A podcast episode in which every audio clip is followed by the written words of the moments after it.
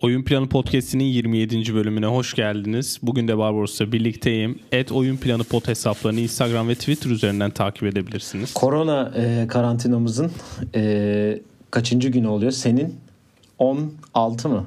Benim o 15 15. oldu mu? gün. 15. gün. Benim de e, herhangi bir karantina şeyim olamıyor çünkü işe gidip geliyorum. E, yeni bölümümüzde sizlerle beraberiz. Bugün e, NBA tarihinin sayı yağmuru olduğu maçları konuşacağız. Tek kişilik sayı yağmuru performanslarını konuşacağız Can'la beraber. E, öncelikle tabii haberleri verelim. Gelişmeler var çünkü. E, Christian Wood e, şu an hatta tam biz yayına girmeden de kesinleşti. Koronayı yendiği açıklanmış ve e, iyileştiği söyleniyor. E, Rudy Gobert'in de bir açıklaması var. Tat ve koku alma duyularını kaybettiği söylendi. Kendisinin böyle bir açıklaması var. E, tabii üzücü bir haber. Carl Anthony Towns'un yayınladığı çok duygusal bir video var. Annesinin komada olduğu koronadan dolayı. E, babasının da korona ile ilgili bulguları pozitif çıkmış. E, kendilerine geçmiş olsun dileyelim. E, ve başka bir haberde Women NBA draftı 17 Nisan'da gerçekleşecekti normalde.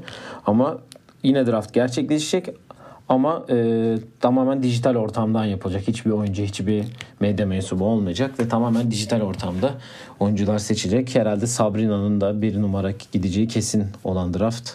Sabrina'nın şanssızlığı diyelim devam ediyor. Ee, Madem draft dedik, sen de istersen draft haberlerini ver. Çünkü sende de birkaç haber ol, haber var. Ee, Bende iki tane oyuncu var. İkisi de lotaryadan gitmesi beklenen Tyrese Halliburton ki podcast'in ilk bölümlerinde konuşmuştuk özellikle. Kendisi Wisconsin'den çıkışlı. Iowa State oyuncusuydu. Bu sene sakatlığından dolayı sezonu erken kapamak zorunda kalmıştı. İkinci oyuncusu ise Obi Toppin. Obi Toppin bu sene kolejin en iyi oyuncusu seçildi. Dayton'dan çıkıyor kendisi. O da lotaryadan gidecektir. O yüzden o da kendisi drafta katılacağını açıkladı. Bakalım NBA draft durumu şu an aynı yani Haziran'da gerçekleşeceği bekleniyor ama eğer ligin vereceği karara göre belki bir Evet, erteleme 30 gün olabilir. olduktan sonra bir karara varacaklardı zaten. Adam Silver öyle demişti. Biz de bekliyoruz ne olacağını ne biteceğini. Tabii e, olimpiyatlar da ertelendi önümüzdeki seneye. Ondan da önceki bölümlerde bahsettik. Kim gidecek ne olacak diye. Ama olimpiyat komitesi olimpiyatları da 2021'e erteledi. E, bir sene sonraya. Evet. İstersen e, bölümümüze başlayalım. Demin de bahsettim. NBA'in tek maçlık sayı yağmuru performanslarını alacağız. Öncelikle şunu söyleyelim. E, elimizde 3 tane performans var ar- bu almadığımız. Biz şöyle düşündük Can'la beraber. E, tabii ki Devin Booker'ın 70 sayısı, Kemba Walker'ın 60 sayısı ve Russell Westbrook'un 58 sayı attığı maçlar var. Ama bizim şöyle bir kriterimiz var. Daha doğrusu senin çok hassas olduğun bir konu bu. E, maçın yani yüksek sayı atan takımın maçı kazanması. Kesinlikle bu. Bizim en büyük kriterimiz. Bu yüzden bu üç performans almadık. Ki e, Devin Booker'ın da e, TD Garden'da attığı 70 sayının gerçekten çok büyük önemi var. Geçen günde yıl dönümüydü hatta. E, orada biraz sen takıksın tabii. Sonda foul yaptılar 70 atsın diye falan filan ama e, nasıl bir potansiyeli olduğunu zaten gösterdi Devin Booker'da. E, madem bunu ben söyledim sen başla istersen ilk performansınla. Sen de başlayalım bugün. Ben aynen Devin Booker'a kısa bir not ekleyeyim ben de. Ee, Yani Devin Booker orada hani kendisi maç içinde 70 sayı atmadığı için ve hani Phoenix zaten kaybedeceği maçta fazla hani ikili sıkıştırmalar getirip foul yapıp hani top çabucak bize geçsin de Devin Booker top atsın diye bir taktik yaptığı için ben eklemek istemedim listeye.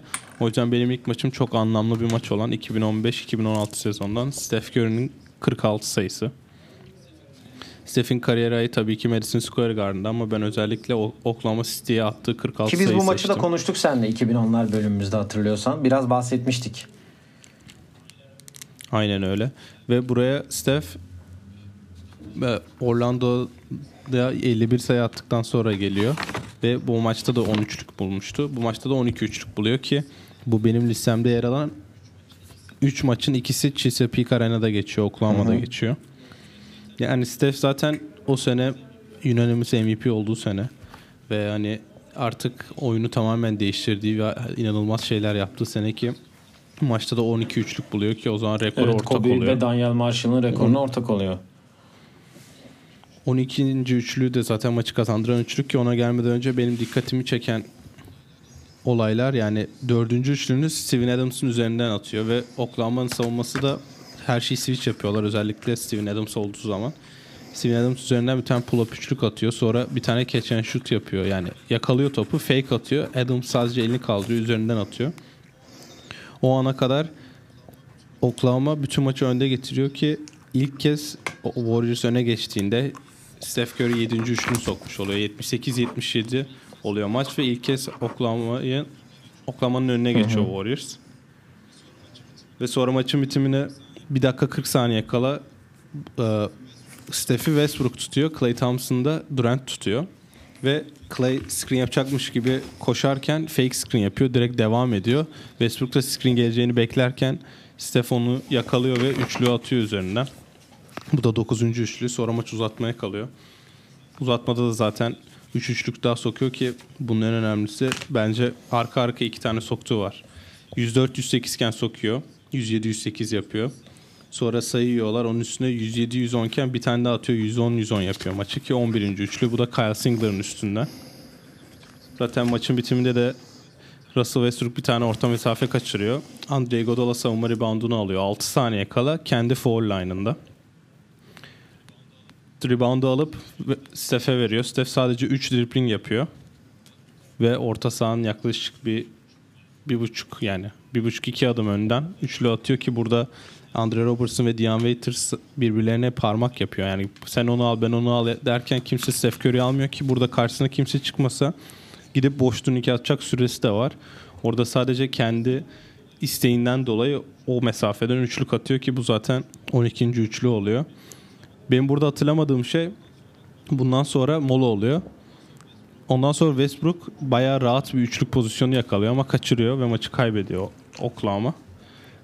Steph de maçı 46 sayıyla tamamlamış oluyor ki 12'de 16'da 12 üçlük ve 8'de 2 ikilik sah- isabetiyle bitiriyor ki bu da nasıl bir oyuncu olduğunu tamamen Yani göstergesi. ben bu maçı çok iyi hatırlıyorum. Çünkü biliyorsun seninle beraber olduğumuz sene e, Amerika'da. E, sen yoktun ama ben evde tek başıma izlemiştim ki o zaman biliyorsun Oklahoma hayranlığımız hem Westbrook'tan hem Kevin Durant'ten ki o sene e, playoff'ta da batı finalinde karşılaştılar ve e, Oklahoma 3-1'den seriyi verdi. E, benim çok ümü- ümitli olduğum bir seneydi gerçekten. Çünkü hem Westbrook hem e, nasıl diyeyim Kevin Durant çok iyi basketbol oynuyorlardı. Steven Adams da katkı veriyordu. Herkes yapması gereken işi yapan bir takımdı aslında. E, o maçla ilgili yani can acıttı biraz izlemesi. Ama ben o maçla ilgili hatırladığım şey tabii ki de daha önce de bahsettik maçtan tabii ama o senin dediğin anlattığın o iki adım atıp üçlüyü yollaması e yani yani hem Andre Robertson hem Dion Waiters yani sahada 4-5 kişi var. 5 tane Golden State oyuncusu var. Deseler ki bir kişiyi tutacaksın kardeşim. Kimi tutacaksın? Adam zaten sokmuş hepsini. 11 tane sokmuş. Onu tutacaksın değil mi? Bak şimdi kimseyi görmüyorum. Bir de zaten fast break'te birinci sınıf basketbolda öğrendiğimiz konu nedir? Topu- Topu, durdurma. Ya, Burada kimse öyle. topu durdurmayı bile Yani topu yeltenmiyor. durdurmuyor. Geçtim. Benim unutamadığım sahne Andre Robertson geri koşuyor. Baba durduracaksın adamı. Evet. Foul yap, bir şey yap. Ve hani şütör özgüveni vardır. 11 tane sokmuş. Gider o 12.yi de sıkar yani. Ki sıktı da soktu. Sonra zaten ben e, mola olduktan sonra taraftarlara doğru yürüyüp bağırarak da şey yapması. Steph'in harbiden hani ben bugün 54 sayılık Madison Square Garden performansını da izledim. Hani bu çok ayrı bir şey. Çünkü o zaman bir rivalry vardı ortada. Warriors'la Oklahoma ki sene sonunda da e, eşleştiler zaten. Çok güzel bir seri olmuştu o da. E, onun için Steph'in MVP'liğini kesinleştiren maçlardan biri o. E, senin bu maçla ilgili söyleyecek bir şeyin yoksa ben kendi maçıma geçeyim.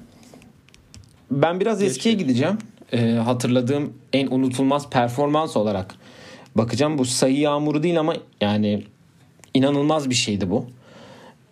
O dönemi çok iyi hatırlıyorum ben. 9 Aralık 2004'e gidiyorum. Toyota Center'a. Houston'ın San Antonio ile yaptığı maça gidiyorum. Şimdi ben bunu söyleyince büyük ihtimal e, dinleyenler bizi anlayacaklar hangi maçtan bahsettiğimi. Tracy McGrady'nin 35 saniyede attığı 13 sayı ve bunların hepsinin üçlük olduğunu hatırlatayım. Bir tanesi 3 artı 1. Ee, üç, hem üçlük foul yani. 45 saniye kala 76-68 skor ki çok düşük skorlu bir e, maç oluyor. Ki e, Houston'ın da o sene hem T-Mac hem e, Yao Ming'le oynadığı sene. E, 45 saniyeyken tepeden getiriyor ve bir tane üçlük yolluyor. E, sonra dönüyor sayıyor 78-71 24 saniye kala fake atıyor ve Tim Duncan bunun üstüne sıçrıyor. Pick and roll'de üstünde kalıyor. Ve altına girip üçlü yolluyor ve üçlük foul oluyor. Ee, sokuyor e, foul'ü de 16 saniye kala bir sayı daha yiyorlar. 80-75 oluyor. Kenardan top çıkacak. Ee, o kadar kötü topu çıkarıyor ki topu çıkan. Bob Sura galiba. Topu t çok zor yakalıyor. Tam bir geri pas olurken. Ve Bruce Bowen kalıyor karşısında ki NBA'nin iyi savunmacılarından biridir Bruce Bowen'da. Onun üstünden bir el üstü sokuyor ki maçı anlatan yorumcular diyor ki az kalsın bir 3 artı 1 daha geliyordu deyip. Skor 80-78'e geliyor 11 saniye kala. Ee, Brent, Brent biri ama. Ee, Brent biri topu kenardan çıkaracak. Topu ve mola alıyor bu arada e, San Antonio ve topu Houston'ın sahasına taşıyor. Topu Brent Berry e, oyuna sokuyor. Devin Brown olması lazım. Evet Devin Brown. E, baseline'dan drive ederken ayağa kayıyor ve topu kaybediyor. E, T-Mac topu alıyor. Tam sağ götürüyor ve sol forvetten resmen havada böyle süzülerek bir tane üçlük atıyor. O zaten son üçlü oluyor. Onu da sokuyor. Sonra kenarda molası yok San Antonio'da. Top çıkarırken de topu atıyor ve maçı 80-81 kazanıyor. Ee, bu maç yani evet biz 35 sayı yani son 35 saniyede 13 sayı atıyor. Burada bir sayı yağmuru ya da herhangi bir şey yok ama bu 35 saniyede 13 sayı atma gerçekten inanılmaz bir şey ki Houston taraftarının da çoğunun maçı bırakıp gittiği bir sahne var böyle. Herkes çıkıyor gidiyor falan. Ee, inanılmaz bir şey. Bunu hepimiz antrenmandan önce oyuncuyken denemişizdir. Saniye tutup bakayım ben sokabilecek miyim falan filan diye ki 35 saniye dediğin iki hücum eder. Yani gidip San Antonio topu tutsa hepsinde maçı kay kazanacaklar yani. Tutmayıp sayı atıyor durmadan. Yani iki atıp üç yiyorlar. iki atıp üç yiyorlar. En sonunda zaten muazzam bir üçlük atıyor. Sondaki üçlü gerçekten hani havada süzülerek atıyor. Hani tam forvetle tepe arasında sıçrayıp forvete düşerek atıyor böyle. Ya burada zaten orada sıkıntı Greg Popovich'in maçtan sonra yaptığı açıklama vardı sanırım. Orada Devin Brown'un topu vermenin nedeni hani Devin Brown öyle çok inanılmaz rol olan ve hani takımın yıldız oyuncu değil ama iyi foul sokan bir oyuncu olduğu için hani en azından topu alsın foul yaparlarsa hani 2'de 2 atacak bir oyuncumuz olsun diye topu ona veriyor ama o da orada bir sıkıştırmaya giriyor ki ondan sonra zaten o topun girmemesi yani inanılmaz. Yani o top kesin girecek yani. O gidişinden belli McRae'nin. Yani inanılmaz gerçekten yani. Çok enteresan bir performans yani. Evet sen ikinci maçın hangisi? Ben ikinci maçı yine senin gibi hani bütün maç değil de sadece bir periyottu anlatacağım ben. 2014-2015 sezonunda yine Warriors formasıyla bu sefer Oracle Arena'da Clay Thompson'ın Sacramento'ya karşısında bir periyotta buldu 37 Sen bir sayı. Warriors aşkı nereden geldi onu anlamadım. Biz böyle bölmüşüz ya seninle. Işte, Niye böyle bölmüşüz? Yani görev dağılımı yaparken Warriors'lar bana kaldı.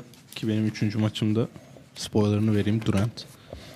Yani Clay'in 37 sayı attığı periyodu ben tamamen izledim tekrardan.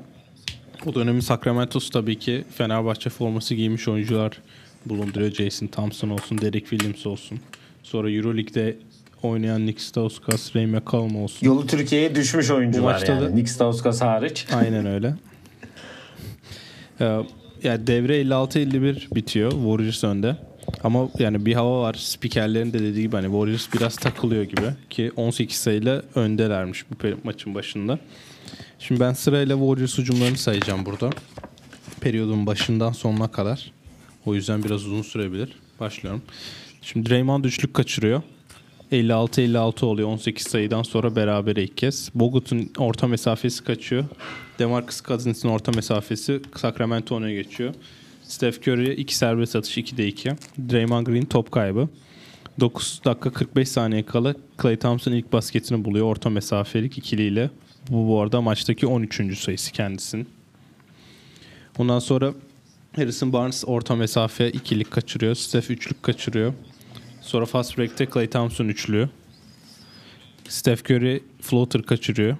Fast break'te bir Clay Thompson üçlü daha. Steph Curry orta mesafe kaçırıyor. Steph Curry top kaybı. 66-68 Warriors Ya önde bu şu an. hani Warriors Bundan maçı sonra- oluyor. Herkes sıkıyor bu arada. Evet. Clay Thompson alley-oop smacı. Ondan sonra isolation'da crossover üstü üçlük 13. sayısı bu periyottaki. Bu ara tam şey oluyor hani bu üçlü soktuktan sonra hani şeye dönüyor. Hani Warriors biri sıcakken her topu İşler ona verip çığırından açılın çıkıyor yani. Havası yapıyordu ya. Aynen öyle ama ya tam çığırından çıkma değil de bu ana kadar Steph biraz hani kendisi de biraz ısınmaya çalışıyor ama olmayınca o da fark ediyor ki hem mola da olmuyor artık Clay'in ısındığını anlayabiliyorsun. Isolation üçlükten sonra bir daha top Clay'e geliyor. Screen çağırıyor, çağırıyormuş gibi yapıp bir üçlük daha. Ondan sonra pin down screen geliyor. Pin down'dan çıkıp bir üçlük daha 19. sayısı. Steph Curry top kaybı. Ve bundan sonraki pozisyonda da bu periyotta sayı atan diğer tek kişi ya tek basketi bulan kişi Draymond Green'in smacı var. Clay Thompson'ın screen yaparken Clay'in Clay ikili sıkıştırma geliyor. Draymond Green adamı da yardıma geliyor. Clay asist Yani bu yapıyor. periyottaki bütün sayılara ka- şey var yani. Evet. Basketlere en azından. Bu arada skor 79-68. Mola oluyor. Bundan sonra moladan sonra Derin Collins'in iki tane foul sokarak 79-70 yapıyor skoru. Ki bu çok önemli bir skor bu arada. Bundan sonra Clay Thompson'ın kendi serisi başlıyor. 13-0'lık. Screen'den çıkarak bir üçlük David Lee'nin screen'den çıkıyor. Drive edip bir turnike. Transition'da üçlük. Steph'in böyle çok labal bir pasından sonra. Ondan sonra isolation ça- çağırıyor. Yani açın, açılın yapıyor. Pull up bir ikilik sokuyor.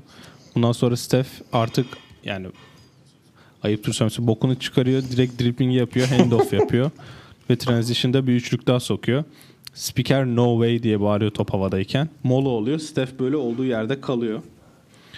Mola dönüşü Sacramento sayı bulamıyor yine. Bundan sonra e, mola dönüşü Steve Kerr'ün de kimse boş kalacağını düşünmemiştir diye düşünerek sahaya çıkıyorlar. Top Warriors'a geldiğinde Mark Jackson'ın döneminden bir tane setleri var böyle. Steph Clay'e veriyor, geri alıyor. Forvet'te boşalttırıyor Steph'i. Steph de aşağıda bloktan yukarı çıkıyor ve hani e, asansör screen dedikleri ikilinin arasından geçip kapandıkları bir set var. Onu oynuyorlar. Bu arada pardon Steph dedim Sean Livingston oynuyor, giriyor bu ara oyuna. Sean Livingston buluyor Clay'i. Bomboş zaten tepede. O üçlü de sokuyor. Bundan sonra Clay top kaybı. Ondan sonra foul yapılıyor. Foul'den sonra topu rastgele potaya atıyor. O da giriyor bu arada. Bundan sonra 2'de 2 foul atıyor ve 50. sayısına ulaşıyor ki periyottaki 37. sayısı. Bu sürede de skor 97-73'e denk geliyor. Yani 79-70'ten 97-73 oluyor. Periyodu da 13'te 13 saha içi isabeti, 9'da 9 üçlük ve bir asistle tamamlamış oluyor. Clay'in Clay olduğu maçlardan bir tanesi herhalde. Ya burada anladık herhalde biz onların inanılmaz Yani bir tane de bu dribbling yapmadan attığı bir maç var. Hani böyle 14 dribbling yapıp mı öyle saçma dribbling yapmadan gel. And shoot da şu an gerçekten NBA'de en iyisi. Yani açık ara yani tartışması yapılacağını ben zannetmiyorum yani bu işin. Ki Warriors'ın da en hype olduğu sezonlardan biri. Evet zaten o 60 attığı maçı da konuşabilirdik de ben bu maçın hani performansının biraz daha abartı olduğunu düşündüğüm için Yani- bu maçı seçtim. Kobe'nin başka şimdi birazdan geleceğiz oraya da başka çeyrek performansları da var ama 37 sayı atması inanılmaz. Bir de tek başına seri yapıyor geçmiş. Hani demin T-Mac'teki olay aslında o da yapıyor kendisi. Ama tabii T-Mac'ki 35 saniyede olduğu için bu çok ayrı bir seviye yani. Şutör anlamında gerçekten ders veriyor herkese ki catch and shoot NBA'de bu dönemde özellikle çok önemli takımların eksikleri de var bu yönde ki Golden State'in de e, hem Steph'e hem Clay'e sahip olması gerçekten büyük bir şans. Ya Evet bu arada periyot demişken ben şeyi de eklemek istiyorum. Ee, Kevin Love'ın da 34 sayı bulduğu bir periyot var. Cleveland'da oynarken hala Cleveland'da gerçi de Portland'a karşı ilk maçın ilk periyodunda 34 sayı bulduğu bir periyot var. Onu da izledim. O da çok etkileyici. Eğer böyle performans izlemek istiyorsanız onu da izleyebilirsiniz. Yani bu arada evet bizim bu konuştuğumuz performansların hepsi YouTube'da var. Hani izleyip de bulup oradan e, de izleyebilirsiniz bulup. E, ben geçeyim sıraya. Şimdi iki tane e, Kobe performans söyleyeceğim. İkisi de birbirine ya birbirine yakın demeyeyim de bir tanesi 10 Aralık 2005 tarihinde Dallas'a 3 periyotta attığı 62 sayı var. Hani ve 3. çeyreğin sonunda Dallas 61 sayı atmış. Kobe 62 sayı atmış. E, 32 dakikada atıyor bunu. 18'de 31, ay 31'de 18 sağ içi, 10'da 4 üçlük, 22'de 25 foul atmış. E, 8 reboundu 3 top çalması var.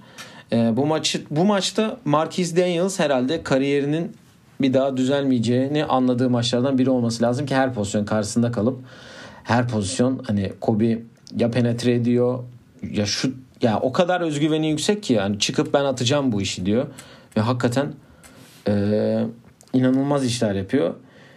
Bir tane hareketi var ki o ben e, çok etkiledi hakikaten. Tam sağ topu götürüp bütün Dallas oyuncularını geçiyor. En son Nowitzki'yi görünce soldan sağ eliyle ters bırakıyor böyle. Eminim sen de bunu söyleyince ben hatırlarsın hangi hareketi olduğunu. Ee, ilk performansı evet. bu ki gerçekten hani nasıl diyeyim çok Kobe'nin yani Kobe yapan performanslardan biri bu.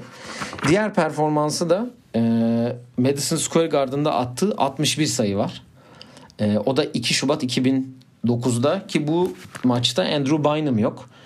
Ki geçen sene bir önceki sene 2008'de kaybettikleri finalden sonra da burada Batı'nın tepelerine oynadığı ve gerçekten Lakers'ın 2009 yılında şampiyonluğa giden yolda Bynum'a ne kadar ihtiyacı oldu ki maçtan sonraki röportajda da bunu soruyorlar. E, 61 sayı atıyor. E, 31'de 19 sağ içi. 20'de 20 foul atmış bunda. Bu çok etkileyici bir şey. E, ve en son yani bütün Spike Lee ayağa kalkıyor falan. Ya bir tane şutu var. Daha doğrusu iki tane çok güzel böyle değişik şutları var. Böyle havada durup attığı var bir tane Galinari'nin üstüne böyle. Galinari'nin evi geliyor havada biraz aşağı indirip öyle sokuyor. E, ve bütün maç belki de Wilson Chandler'a da Marquis Daniels etkisi yarattığı bir maç bu da. E, topu alıyor Wilson Chandler karşısında. Tepeden penetre ediyor. Foul line'da gelip stop yapıyor. Fake yapıyor. Wilson Chandler sıçrıyor normal olarak ki hani o an kim olsa karşısında ya yani taco fall bile olsa o da sıçrardı büyük ihtimal yani. O kadar sokmuş birine.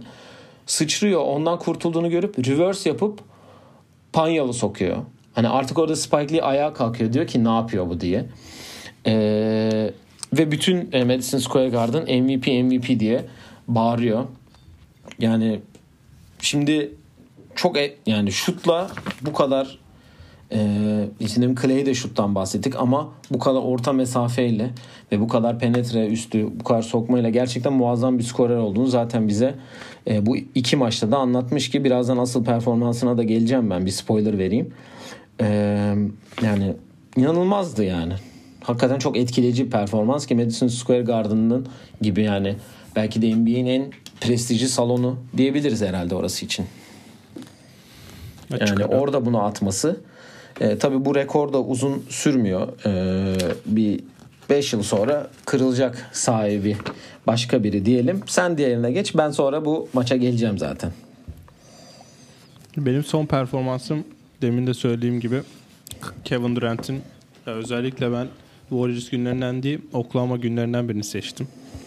2013-2014 sezonunda yine Chesapeake Arena'da bu sefer Warriors'a karşı Durant'in attığı yani her yerde sayı. bir Warriors var sende de bunu yani önümüzdeki sene evet. yatırım mı bu yoksa hani geçmişi mi yad ediyor sana? Burada bir karar verelim. Bu arada Obi Toppin de girmeden önce e, yani draftta açıklamış annesiyle babasıyla Steph Curry'nin annesi babası bir podcast'te podcast yapmışlar. Orada da o bir Tapin Warriors'a gitmeyi istiyor demiş. Şöyle bir şey olursa değişik şeyler olabilir. Onu da belirtmiş yani olalım. sen ee, Durant'in 54'ünü şöyle söyleyeyim. 8'de 5 üçlük 27'de 19 sağ içiyle oynamış. Russell Westbrook'un oynamadığı hı hı. bir maç. Ee, Warriors'a karşı Oklahoma kazanıyor tabii ki maçı. Birinci periyotta 8'de 7 sağ içi isabetiyle oynuyor. ve periyodun son sahnesinde klasik LeBron üzerinden soktuğu üçlük gibi bir tane bütün topu full rebound üstü getirip kaldırıp attığı bir üçlük var ki kendisinin Signature herhalde öyle. signature move diyebiliriz. Bu ikinci peri, ikinci yarıya başlarken Draymond Green switch yapıyor. Yani Draymond Green tutmaya başlıyor Durant'i ki bu ana kadar Harrison Barnes ve Andre Iguodala'ya inanılmaz problemler Sahaya çıkarttığı için Draymond Green geçiyor ancak aynen öyle. Yani 41 sayısı varken takımın arka arkaya 11 sayısını kendisi atıyor. 3 üçlük bir tane de çok zor bir fadeaway atarak özellikle post-up üzeri Draymond Green üzerinden iki tane çok zor sayısı var. Orta mesafeleri zaten inanılmaz kendisi. Yani ben burada Durant için hani çok istatistik çıkarmadım ya da hani Clay'deki gibi sırayla anlatmayacağım ama benim demek istediğim şey bazen e, yani Harden'ın geçen Yanis için dediği çok önemli yani çok önemli derken oyuncuların çok hissettiği bir durum var. O da hani Yanis'in sadece güç üzerinden oynaması ve yetenek üzerinden oynamaması. Hani o boydaki insanlar bence Durant'in yaptığı işlere hani yetenek zaten apayrı bir seviye ama o Durant'in yaptığını daha normal sanıp hani herkesin o seviyeye çıkmasını bekliyor ki yani hiçbir zaman Durant gibi bir şutör ya da ball, ball handler olamayacaktır büyük ihtimalle. Ama yani Durant'in bu yaptığını normal görmek bence biraz saçma. Hani tam çok nefret edilen bir oyuncu hani yaptığı verdiği kararlardan dolayı yani Warriors'a gitmesi ve başka yaptığı birçok şeyden dolayı ama hani bu Durant'i izledikten sonra da akla gelen ilk şey hani bu adam bu boyda ve bu fizikte ve bu yetenekte böyle şeyler yapıyordu ki zaten sanırım bu MVP olduğu sene o yok MVP önceki sene olmuştu. Yani o yüzden yani inanılmaz bir performans ki bundan sonra Warriors'a da attığı 50 sayı var. Hani Toronto'ya attığı bir 50 sayı var. Ya Durant Dallas'a karşı bir 50 sayısı var ama işte yani bize hatırlatılması gereken Durant bence Yani bu. bu Durant'la ilgili şunu söyleyeceğim. Ee, biliyorsun ben Durant'i ne kadar çok seviyordum zamanındaki hani e, Oklahoma'nın e, iyi olduğu zamanlarda çok büyük şey oldu ki ben kalacağına da emindim onun ki o karardan sonra bendeki şeyi bitti onun. Senle de çok fazla konuştuk zaten. Beni tanıyan insanlar da biliyor. Ee, bence hani hani hep konuşuluyor acaba biri daha 70 sayı ya da biri daha 81 sayı atacak mı bu kadar şey yapacak mı diye. NBA'de şu an bunu yapabilecek e, en iyi oyun yani en yakın oyuncu diyebilirim ben. Çünkü bu fizikte böyle bir şut yeteneği gerçek hani em, ya matchup'ı o kadar zor olan ve, ve yani ya onunla ilgili bir şey vardı. Şut atarken galiba NBA'de en fazla yani şutu bloklanması en zor oyuncuymuş. En yüksekten şut atan oyuncuymuş. Yani şut atarken sıçrıyor da zaten. Boyu da kolların uzunluğu da belli. Ve birisi onun için kim dedi hatırlamıyorum ama NBA'nin en iyi post e, eh, Kobe'nin e, Mamba Mentality kitabında e, ilk karşılaştığında onunla ilgili bir anısı var. Durant'le ilgili. E, diyor ki e, Durant'in post oyunları ilk NBA'ye girdiğinde iyi değildi ve sürekli dışarıdan oynuyordu. Bunu ona bahsettiğimde ona karşı e, onları geliştirdi ve bu yönde inanılmaz ilerledi ki hatırla yani şu an oynadığı zamanlarda hep posta alıp topu dribbling yapıp geri çekil fadeaway attığı çok pozisyon var. Ama dediğim gibi o getirip tam sağa getirip bir anda kaldırıp pull up sokması ki engellenemeyecek bir şut e, şeyi var yani sokamazsa anca olmaz. Yani o top kesin giriyor yani bir türlü. Ama yani dediğim gibi herhalde o performans sergileyebilecek oyunculardan bence en yakını şu an NBA'de. Ya ben aslında ona karşı bir şey söyleyeceğim sana. Çünkü hani ben hani eğer mesela Harden kafasında Harden düşünce şeklinde bir maça çıksa bu Nets'te atıyorum seneye Kyrie'nin olmadığı bir maçta çok rahat 60 sayı atabilir bence. Ki zaten NBA'de hani 40 sayı ortalamayla biri oynayacak mı diye konuşulduğunda herkes var bence Durant istese yapar deniyor. Ama ben onun bir tane GQ röportajı var. Bu senenin başında çıkmıştı hani. Warriors'tan neden ayrıldığını, hani Warriors'ta nelerin değiştiğini özellikle son senede anlattığı bir röportaj var. Orada dediği ben çok önemli bir şey var. O hani ben oyunumu mükemmel yapmaya çalıştım dedi Warriors'ta. Warriors'ta onların oynadığı oyunu görüp hani orada Steph ne yapıyor, Clay ne yapıyor, onlar nasıl bir şutör, ben nasıl bir oyuncuyum, ben neler eklerim ve nasıl mükemmel olmayı olmalıyım diye bir hani basketbolumu öyle geliştirdim ve ben artık mükemmelliği hani mükemmel bir oyuncu olmaya çalıştım dedi ve hani oynadığım birkaç maç olduğunu düşünüyorum dedi. Hani bence bu kafa yapısındaki bir oyuncu hani bir maçta çıkıp 70 sayı atar mı? Çok düşünemiyorum hani çünkü hani bir, gidip bir maçta 40 top atacağını düşünmüyorum ben Westbrook'un. Belki ay Westbrook dedim. Beni andı Evet. kendisi. Durant'in. Hani bir maçta 40 top atacaksa zorunluluktan belki hani olabilir ama o maçta da hani 70 sayı ya da 60 sayı bir daha bulur mu çok bilmiyorum ama bence bundan sonra göreceğimiz Durant oyuncu olarak hani LeBron'un nasıl diyeyim Miami günlerindeki olduğu gibi ki yani orada da bir skor patlamaları oluyordu ama hani şampiyon yıllarında olduğu gibi hani atıyorum 32 7 7 yapan bir oyuncu olmasını bekliyorum. Madem LeBron'un Miami günleri dedin ben oradaki performansına geçeceğim ama son Kevin Durant'la ilgili şunu söyleyeceğim. Yani Durant atıyorum Steph gibi Clay gibi 10 tane üçlük sokup 50 ya da 60 sayı atmaz. Ee, şimdi birazdan Carmelo'nun da performansı ona geleceğim. Hani Kobe'nin de demin konuştuğumuz performansları gibi orta mesafe yapıp daha çok penetre üzeri bunları atabilir. Yani 70 atar belki ama 8 üçlükle 9 üçlükle hani 12 15 ya da öyle bir şey atma 8 bile atmayabilir. 7 üçlük atar 5 atar. Yani daha e, nasıl diyeyim penetre üzeri yani potaya giderek sağ içi isabetiyle atar gibi diyelim. Bakalım inşallah net formasıyla da izleriz onu. Merak ediyorum açıkçası. Diyelim madem Miami LeBron dedik 3 Mart 2014'te. Şimdi bundan sonra ben iki tane performans söyleyeceğim. Buradan Charlotte Bobcats'e Michael Kidd Gilchrist'e ve Chris Douglas Roberts'a gerçekten basketbola verdikleri için çok teşekkür ediyorum en başta. Bu iki performans söylemeden. Çünkü bu iki performans da bu iki takıma karşı ve bu iki oyuncunun maç içerisinde savunduğu iki oyuncuyla alakalı. E, birincisi LeBron 3 Mart 2014'te 41 dakikada 33'te 22 sağ içi onda 8 ki bunun soktuğu 8'in de e, kaçırmadan soktu ilk 8'i. Yani sokuyor 8'de 8 sonra 9'uncuyu 10'uncuyu kaçırıyor. 7 rebound 5 asistle attığı 61 sayı var. Bu bize maskeli Lebron'un tanıtıldığı gün olarak geçiyor. Daha önce siyah maskeyle oynuyor ve bu siyah maskenin bütün salonun ışığını çektiği için gözünü rahatsız ettiğini söylüyor ve sonra bir saydam bir e, maskeye geçiyor bu maç. Bir hafta önce burnu kırıldığı için bu maske var ve bu maçta Wade oynamıyor. Ee, 8'de 8 de başlıyor. Ya burada hani demin Yannis'in hani bully basketball hani gidip gücüyle bilmem neyle hani bu şey gibi ortaokul takımında bir tane liseli olur. Ya küçültme bu kesin bu falan dersin hani. Hep öyle şeyler olmuştur. Öyle bir abi geliyor. Senin potana 61 sayı atıyor. Hadi görüşürüz kıvamında. Ama e, burada şöyle bir durum var.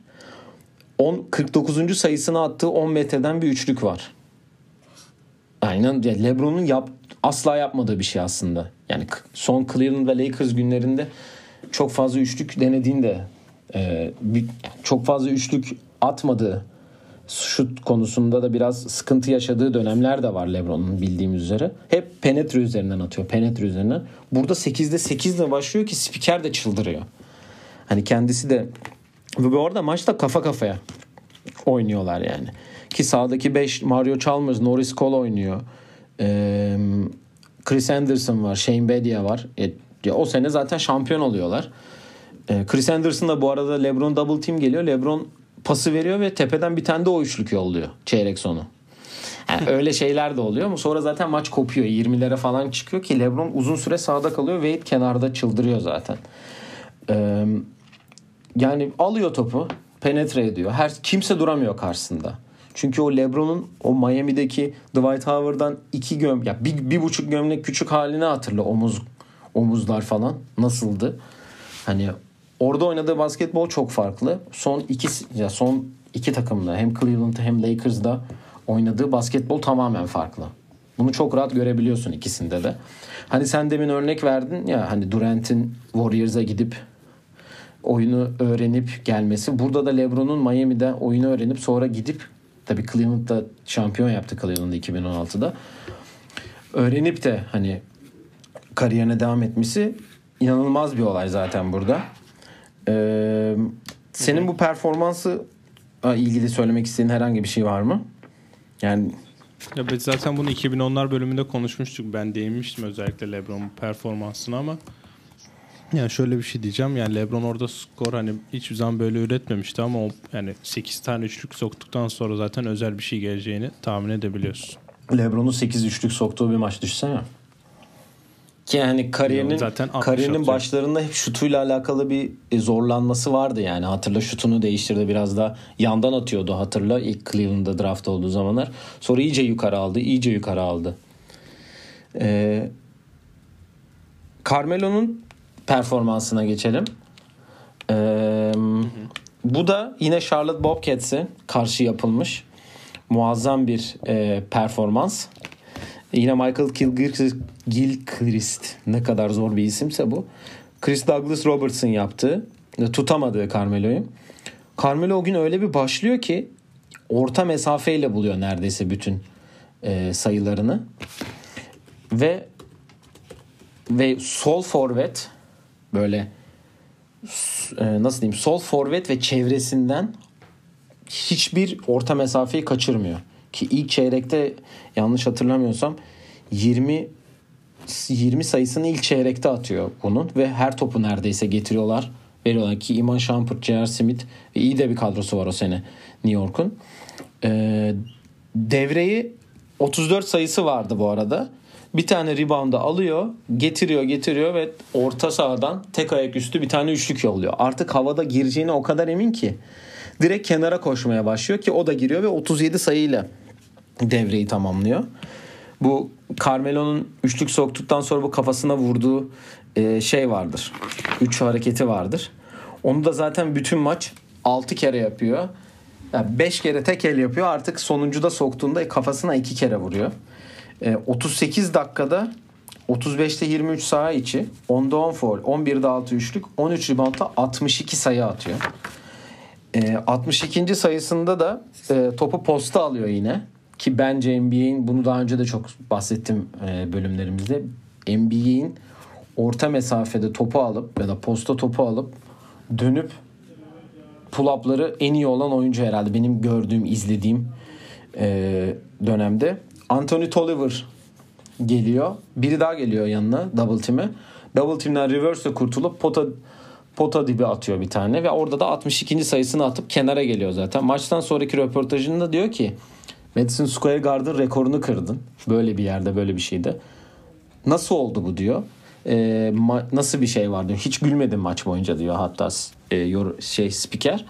O diyor ki maçtan önce e, soyunma odasında diyor Muhammed Ali'nin bir tane speech'i açıktı diyor. Sadece onu dinledim diyor ve bugün çıkıp bunu attı ki Elgin Baylor'ı e, Knicks rekoru vardı. Onu da kırıyor ki küçüklüğünde onu e, çok nasıl diyeyim örnek aldığını da çok e, spikerler de o anda bahsediyor ki o konuşulan bir konuydu. Yani bu Carmelo'nun prime Carmelo olduğu zaman diyebilirim ben. Yani çünkü gerçekten öyle böyle pull-up'lar sokmuyor. Yani açın izleyin. Sol forvetten soktuğu ilk çeyrekte yani ilk devrede bir pull-up'lar var ki inanılmaz yani. Alıyor kaldırıyor atıyor. Ya Carmelo'nun bence burada asıl şeyi asıl yani bizim hatırlamadığımız özellikle bu son olaylardan sonra hani takımsız kalması sonra zar zor hani garanti olmayan kontratla lige girip ligde kalıcı olması dan yana yani New York'ta Phil Jackson hani bir takım başına gelip işte kendi mentalitesini yükleme olayından dolayı bir üçgen hücum hani aşkı vardı takımdaki koçların ki ben geçen sana da yazmıştım. Carmelo'nun bir 45 dakikalık bir videosu var Knicks günlerini anlatan. Hani 3 tam 4 sezonda tamamen hani Knicks'teki en iyi basketbolunu videoların olduğu bir toplam bir derleme var. Bu derlemeyi de biraz izledim ben bir 20 dakikasını. Hani zaten burada görüyorsunuz bu üçgen ucumun spacinginde hani hep dirsekte topu kendisi alıyor ve etrafında kimse olmuyor. Yani dirsekte birebir oynama şansı tanınıyor. Ki zaten ligde bunu en iyi yapan oyunculardan bir tanesi. Herhalde lig tarihinde bunu yapan en iyi oyuncudan bir tanesi. E böyle olunca da hani elini tuttuğu maç ya da işte bu kadar konsantre olduğu bir maçta böyle bir sayı patlaması yapması bence çok normal ki o zamanki Carmelo hani konuşmuştuk Denver'daki fiziği kadar atlet değil. Hani o kadar atlet olmasa bile şutörlük anlamında çok üst seviyede özellikle ki orta Ya işte mesafeden. oyuncuların özellikle hem LeBron'un hem e, atıyorum Carmelo'nun ya da Durant'in ya da herhangi bir zamanımızın süperstarlarının gelişimini biz zaten yakından çok daha takip edebiliyoruz. İlk başta lige geldiklerinde nasıldı? Nasıl ilerlediler? Nasıl bu oyunu öğrenmeye daha çok yatkın oldular? Ki bunu da zaten en fazla öğrendikleri insan da Kobe'ydi hepsi. Bu Kobe'nin vefatında bundan çok bahsettiler. Ki şu an bütün oyuncular da böyle yapmaya devam ediyor. Oyunu daha ne kadar öğrenebilirim? Nasıl önemli? Filmler izleniyor.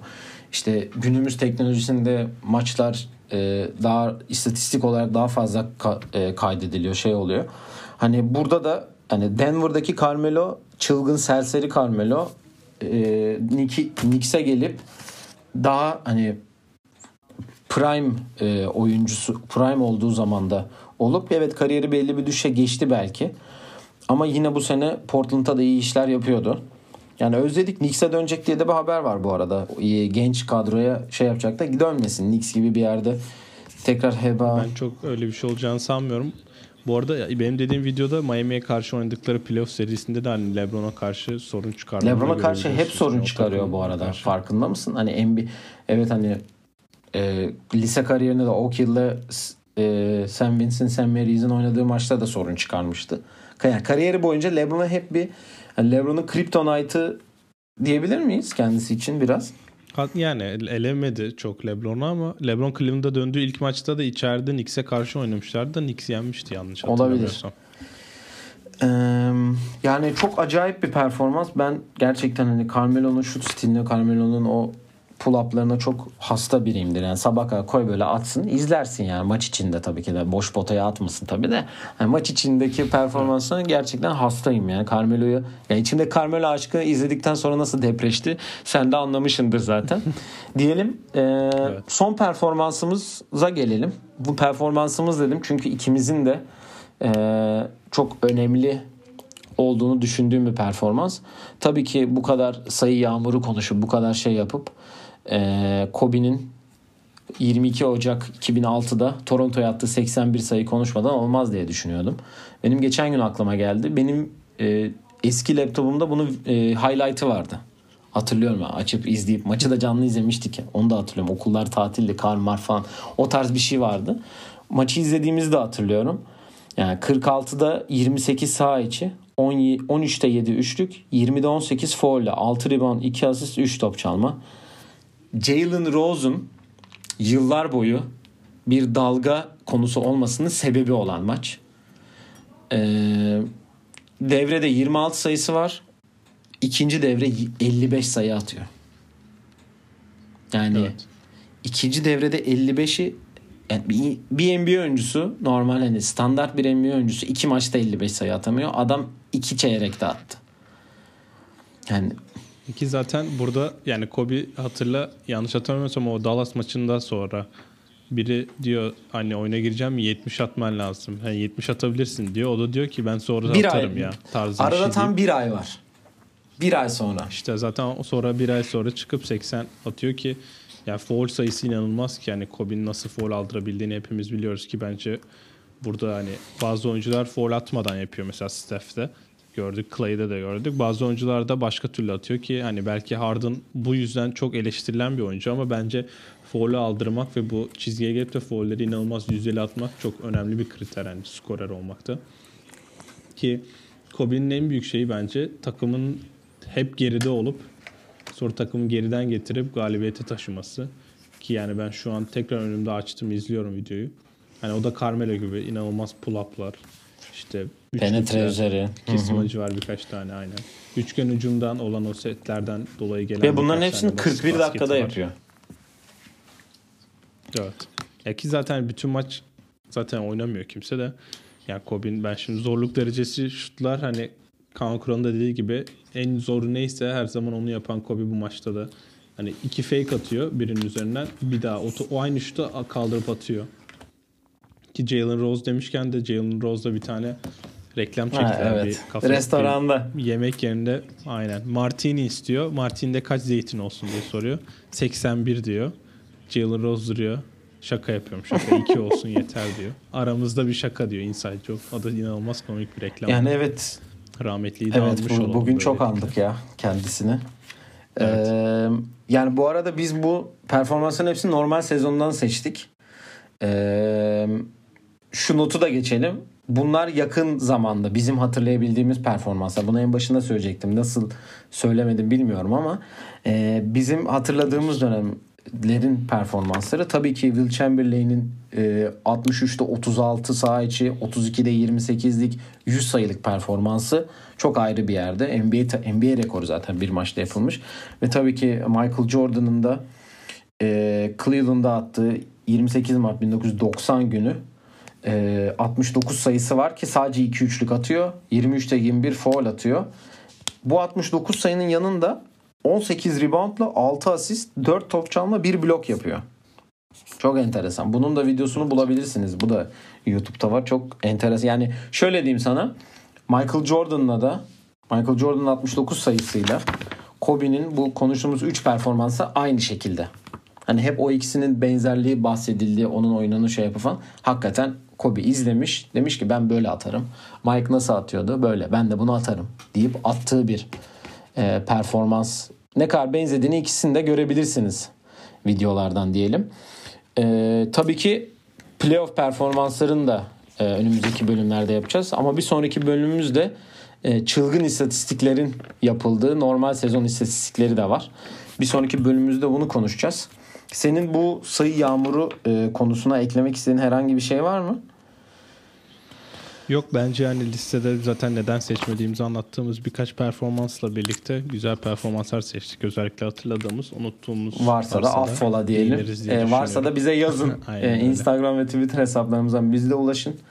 Ulaşabilirsiniz. Et oyun planı pod hesaplarından. Evde kalalım. Evde kalmaya devam edelim. Bu arada onu da söyleyelim. Evde kalıp evet. bizi dinleyelim bol bol. Ee, evet. Yani tabii ki de başka podcastlerde dinlemek isterseniz onları da dinleyebilirsiniz ama bizi de dinleyin yani arada. Bizi de kaynatın. Biz de şey yapmıyoruz pek. Ee, o zaman e, bir dahaki bölümümüzde muazzam istatistikler bölümümüzde görüşmek üzere diyelim. Hoşçakalın. Hoşçakalın.